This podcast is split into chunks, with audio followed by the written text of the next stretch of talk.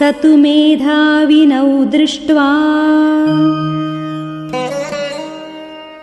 वेदेषु परिनिष्ठितौ वेदोपबृंहणार्थाय